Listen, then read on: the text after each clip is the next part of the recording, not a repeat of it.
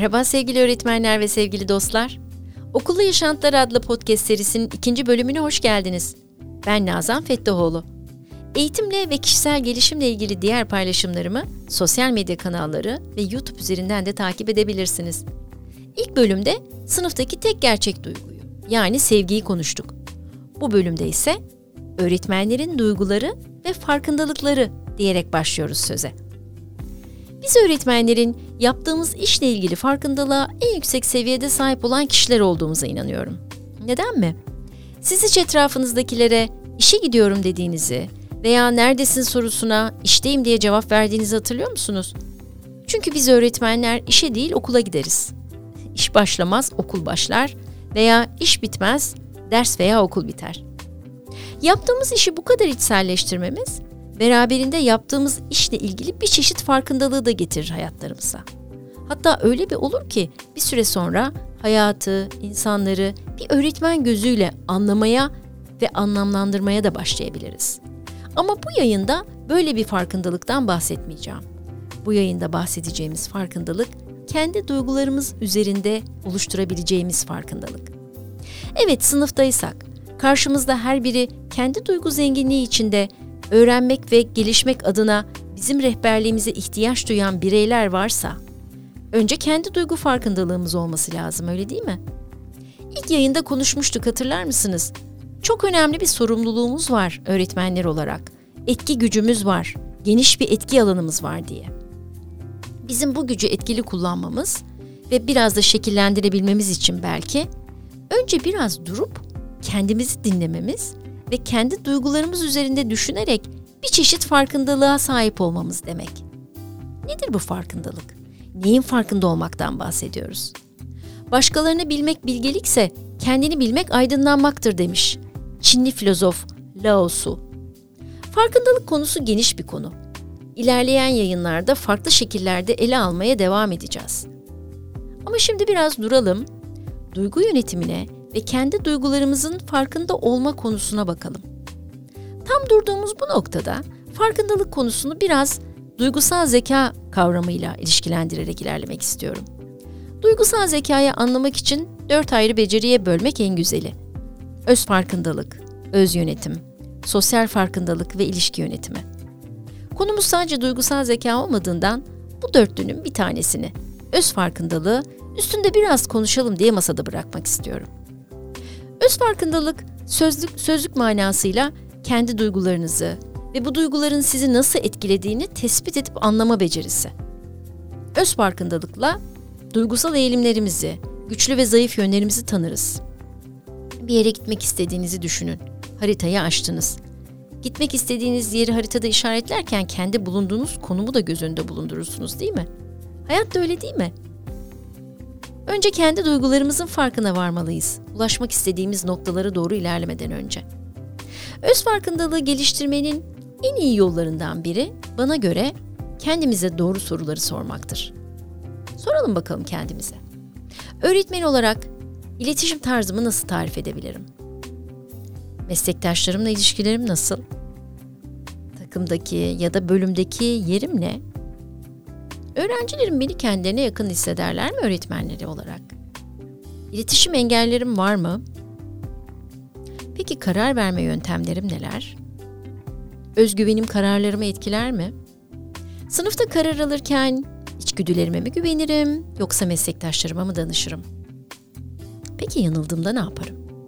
Bir öğrencimle ilgili yanılmışsam, yanlış bir karar almışsam nasıl davranırım? Ne çok ses var değil mi? Ne çok soru var, gürültülü bir zihnimiz var aslında irdelediğimiz zaman. Sevgili öğretmenim, biliyorsunuz ölçme değerlendirme diye ciddi bir işimiz var bizim. Ölçer ve değerlendiririz sürekli. Bazen klasik yöntemlerle, bazen de alternatif özgün değerlendirme araçlarını kullanarak değerlendiririz. Ve biliriz ki aslında öğrencilerin ne kadar öğrenmiş olduğunu anlamak için alternatif özgün değerlendirme araçları bazen çok daha etkili. Bu podcast'in konusu ölçme değerlendirme değil ama öğretmenlik jargonuyla metafor kullanmayı seviyorum sanırım. Evet bu özgün değerlendirme araçlarının içinde bir yöntem var. Öz değerlendirme. Sizlerin de çok iyi bildiğine eminim. Öğrenci performansını ya da yaptığı bir çalışmayı, bir ürünü Önce kendi değerlendirir, sonra arkadaşları değerlendirir, akran değerlendirmesi olarak. O zaman ne yapalım? Aynayı biraz kendimize doğru tutalım. Yapalım bakalım kendi öz değerlendirmemizi. Duygularımızı hem duygularımızı irdeleyelim hem mesleki performansımızı değerlendirelim. Bir şekilde kendimizin farkına varalım. Neden? Çünkü bazen bir davranışımız ve sözümüzle öğrencilerimizin hayatlarına yön verebiliyoruz. Onların karşısına farkındalıkları yüksek, sağlam duruşa sahip bir öğretmen olarak çıkalım. Etkili konuşma eğitimlerinde bir sahne duruşu vardır. Buna ağaç duruşu denir. İki ayakla sağlam şekilde yere basarsınız. Tek ayak üzerine güç vermezsiniz veya sallanmazsınız. Öz farkındalığı yüksek bir öğretmen bana göre bir sıfır öndedir her zaman.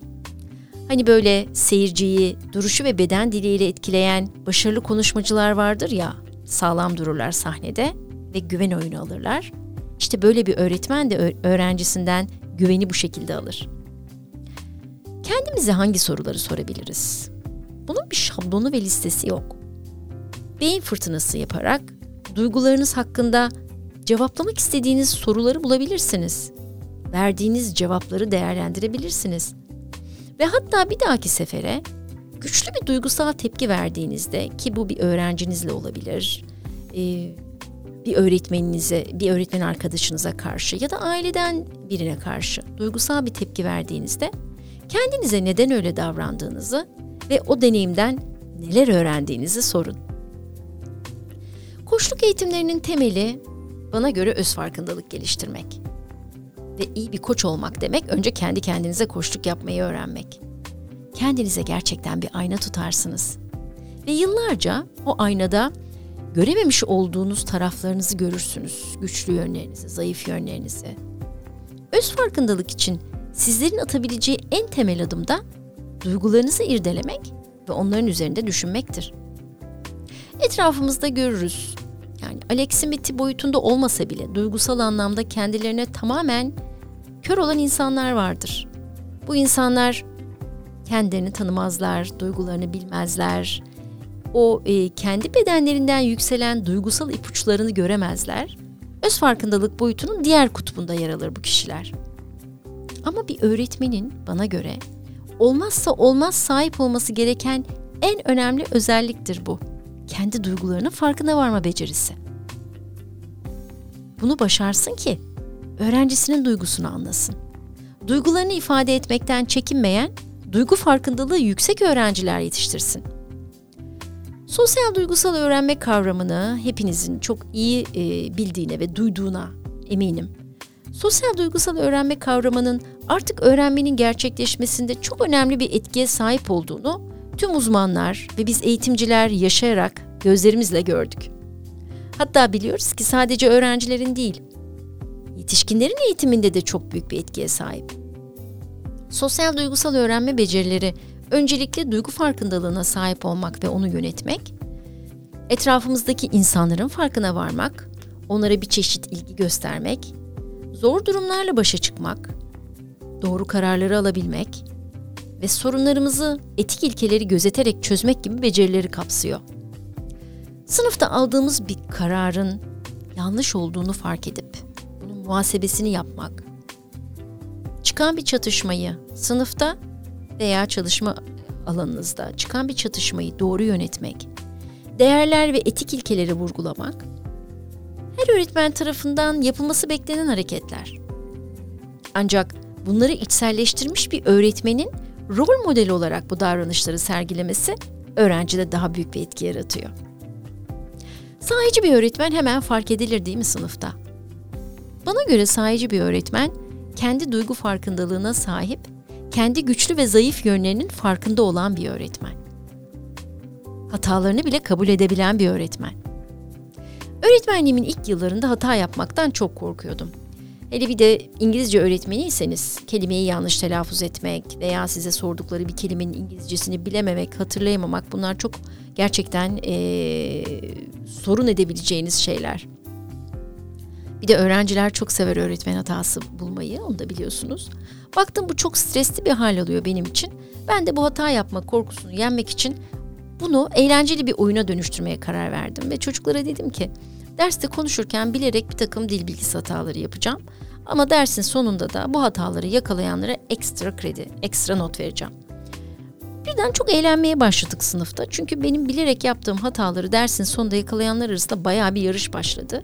Define avı gibi bir oyun oluştu kendi kendine. Dersin sonunda hataları bulurlarken onlara gerçekte de hata yapabileceğimi, bulurlarsa mutlaka bana söylemeleri gerektiğini söyledim. Zaman içinde e, beni zannedersem kendilerini çok yakın hissettiler. Hata yapan, hatta hata yaptığını kabul eden bir öğretmen olarak ve bir takımın parçası olmuştum. E, ama bu arada harika bir şey olmuştu. Ben de bir öğretmen olarak hata yapma korkumu yenmiştim. Bir de şu öğretmen asla yanlış karar almaz diye bir söylem var. Hatta aforizma diyebiliriz buna. Bir öğretmen yanlış bir karar alabilir. Ama duygusal farkındalığı yüksek bir öğretmen aldığı o kararı olgunlukla değerlendirir, gerekiyorsa yanlıştan döner ve bunu telafi eder. İşte bana göre o an itibariyle gene sahici bir öğretmendir. Öğrencisinin gözünde yücelir, her şey değişir sınıfta. Öğrenciler rahatlarlar, öğretmenlerine güven duymaya başlarlar ve her durumda ifade etmeye başlarlar kendilerini. Hata yaptıklarında da. Aslında öğrenme bir yolculuk değil mi? Öğrenme bir yolculuksa, öğretmen ve öğrenci aynı gemide değil mi? Artık okullar öğrenme merkezleri biliyorsunuz. Öğrenme ekosistemi diye bir şey var.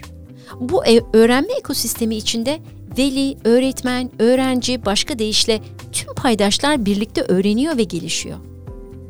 O kadar çok şey öğrendim ki öğrencilerimden. Öğretirken öğrenmemin dışında onların pratik yaklaşımları, farklı yetenekleri bazen işlerimi o kadar kolaylaştırdı ki benim öğretmenliğimin uzun bir bölümü lise sınıflarında İngiliz ve Amerikan edebiyatının en güzel eserlerini öğreterek geçti. Ben onlara bu güzel eserleri hayatlarıyla özdeşleştirmeleri adına hep heyecanla aktardım. Ve hep de heyecanımın karşılığını bulduğumu hatırlıyorum. Ne öğrendim bu durumdan? Yaptığın işi heyecanla yapıp gerçek hayatla uyumlandırabiliyorsan, öğrencilerinin ilgilerini çekip onları konuya dahil edebiliyorsun. Aslında bir de ne öğrendim biliyor musunuz? Satırların arasını okumayı veya metafor kullanmayı öğretirken onların kendi duygu farkındalıklarını söze ve yazıya dökmelerini sağlayarak onları en iyi şekilde tanıyabileceğimi öğrendim. Alakasız gibi görünebilir ama aslında bu podcast'in konusuna yani öz farkındalığa ve duygu yönetimine bir gönderme yaptığımı düşünüyorum şu an için. Bilmem siz ne düşünürsünüz. Evet tekrar dönelim öz farkındalığa ve duygu yönetimine. Aslında kendi duygularımızı tanımlamak için alıştırma yapmanın bir yolu da gün boyunca ya da akşam eve döndüğünüzde kendinizi şöyle bir kontrol etmek. Gün içinde size farklı duygular yaşatan anları hatırlayın ve orada durun. Belki gün içinde ödevini yapmama konusunda direnen bir öğrencinizle zor bir diyaloğa girdiniz. Ya da bir veli geldi ve onunla yaptığınız görüşmede hiç anlaşılmadığınızı hatta haksızlığa uğradığınızı hissettiniz. Ya da bölüm başkanınız sizden bir şey istedi, onunla ilgili kafanız karıştı. Her bir duygu, her bir duyguyu düşünün gün içinde hissettiğiniz. İyi, çok iyi, pek iyi değil, her şey yolunda, tamam gibi yorumlar yapın. Hatta bunun için küçük bir defter de tutabilirsiniz. Bu da çok keyifli oluyor. Kendi duygularınızı öğrenmek, başkalarıyla empati kurma yeteneğinizi de arttırır. Kendi duygularımızı tanımladığımız zaman geniş bir duygusal deneyim repertuarına sahip oluruz aslında. Ve sadece öğretmen olarak değil, insan olarak da etrafımızla kurduğumuz sağlıklı ilişkilerin temeli olan empati duygusunu geliştiririz. Brené Brown, Amerikalı, sosyal psikoloji alanında araştırma yapan bir akademisyen. Kişisel gelişim alanında önemli noktalara değindiği konuşmaları ve araştırmaları var. The Power of Vulnerability, Kırılganlığın Gücü başlıklı konuşması TEDx'te çok dinleniyor. Brown bu konuşmasında empati duygusunu hem sınıfta hem hayatta çok önemli olan farklı bir kavramla bağ kavramıyla birleştiriyor. Ve diyor ki, bağ insanların birbirlerini gördükleri, duydukları ve değer verdikleri zaman yaratılan bir enerjidir. İşte bizim o enerjiye ihtiyacımız var sınıfta. Öğrencimizle kuracağımız bağla yakalayacağımız o enerjiye. Benden bize geçmek. Öğrencimizin iç dünyasına ulaşmak. Saklı olan duygularını, güçlü yönlerini ortaya çıkarmak ve onların hem sizinle hem de arkadaşlarıyla bağ kurmalarını sağlamak. Farkındaysanız öğrenme kelimesini o kadar az kullandım ki. Çünkü tüm yaşanmışlıklar yıllar içinde bana şunu gösterdi ki öğretmeniyle, sınıfıyla, kendi duygusuyla bağ kuran öğrenci sonunda mutlaka öğrenir. Öğrenmenin gerçekleşmesi için en önemli faktör güvendir. Hem öğreneceğinize olan inancınız ve güveniniz hem de etrafınıza, öğrenme ortamınıza ve elbette öğretmeninize olan güveniniz. Ve o bağ ile aslında bir köprü kurarsınız bir öğretmen olarak. Öğrencinizi yarınlara taşıyacak köprüleri kurarsınız. Nasrettin Hoca'nın meşhur yüzük fıkrasını bilirsiniz. Hocayı dışarıda bir şeyler ararken görenler ne aradığını sorarlar. Kaybettiği yüzüğünü aradığını söyleyen hocaya bu sefer derler ki Yüzüğünü nerede kaybettin? Samanlıkta kaybettim diye ilginç bir cevap verir. Samanlıkta kaybettiğin yüzüğü burada niye arıyorsun? diye sorar etrafındakiler. Hoca her zamanki hazır cevaplılığıyla cevap verir. Burası aydınlık da onun için burada arıyorum. Sevgili öğretmenim, doğru cevaplar doğru adreslerde bekliyor bizi. Farkındalıklarımızla, empati dolu yüreğimizle, sahiciliğimizle kalplerinden yakalayalım öğrencilerimizi. Güçlü bağlar kuralım onlarla. Gerisi zaten kolay. Bir sonraki podcast'te görüşmek üzere. Şimdilik hoşça kalın ve elbette sevgiyle kalın.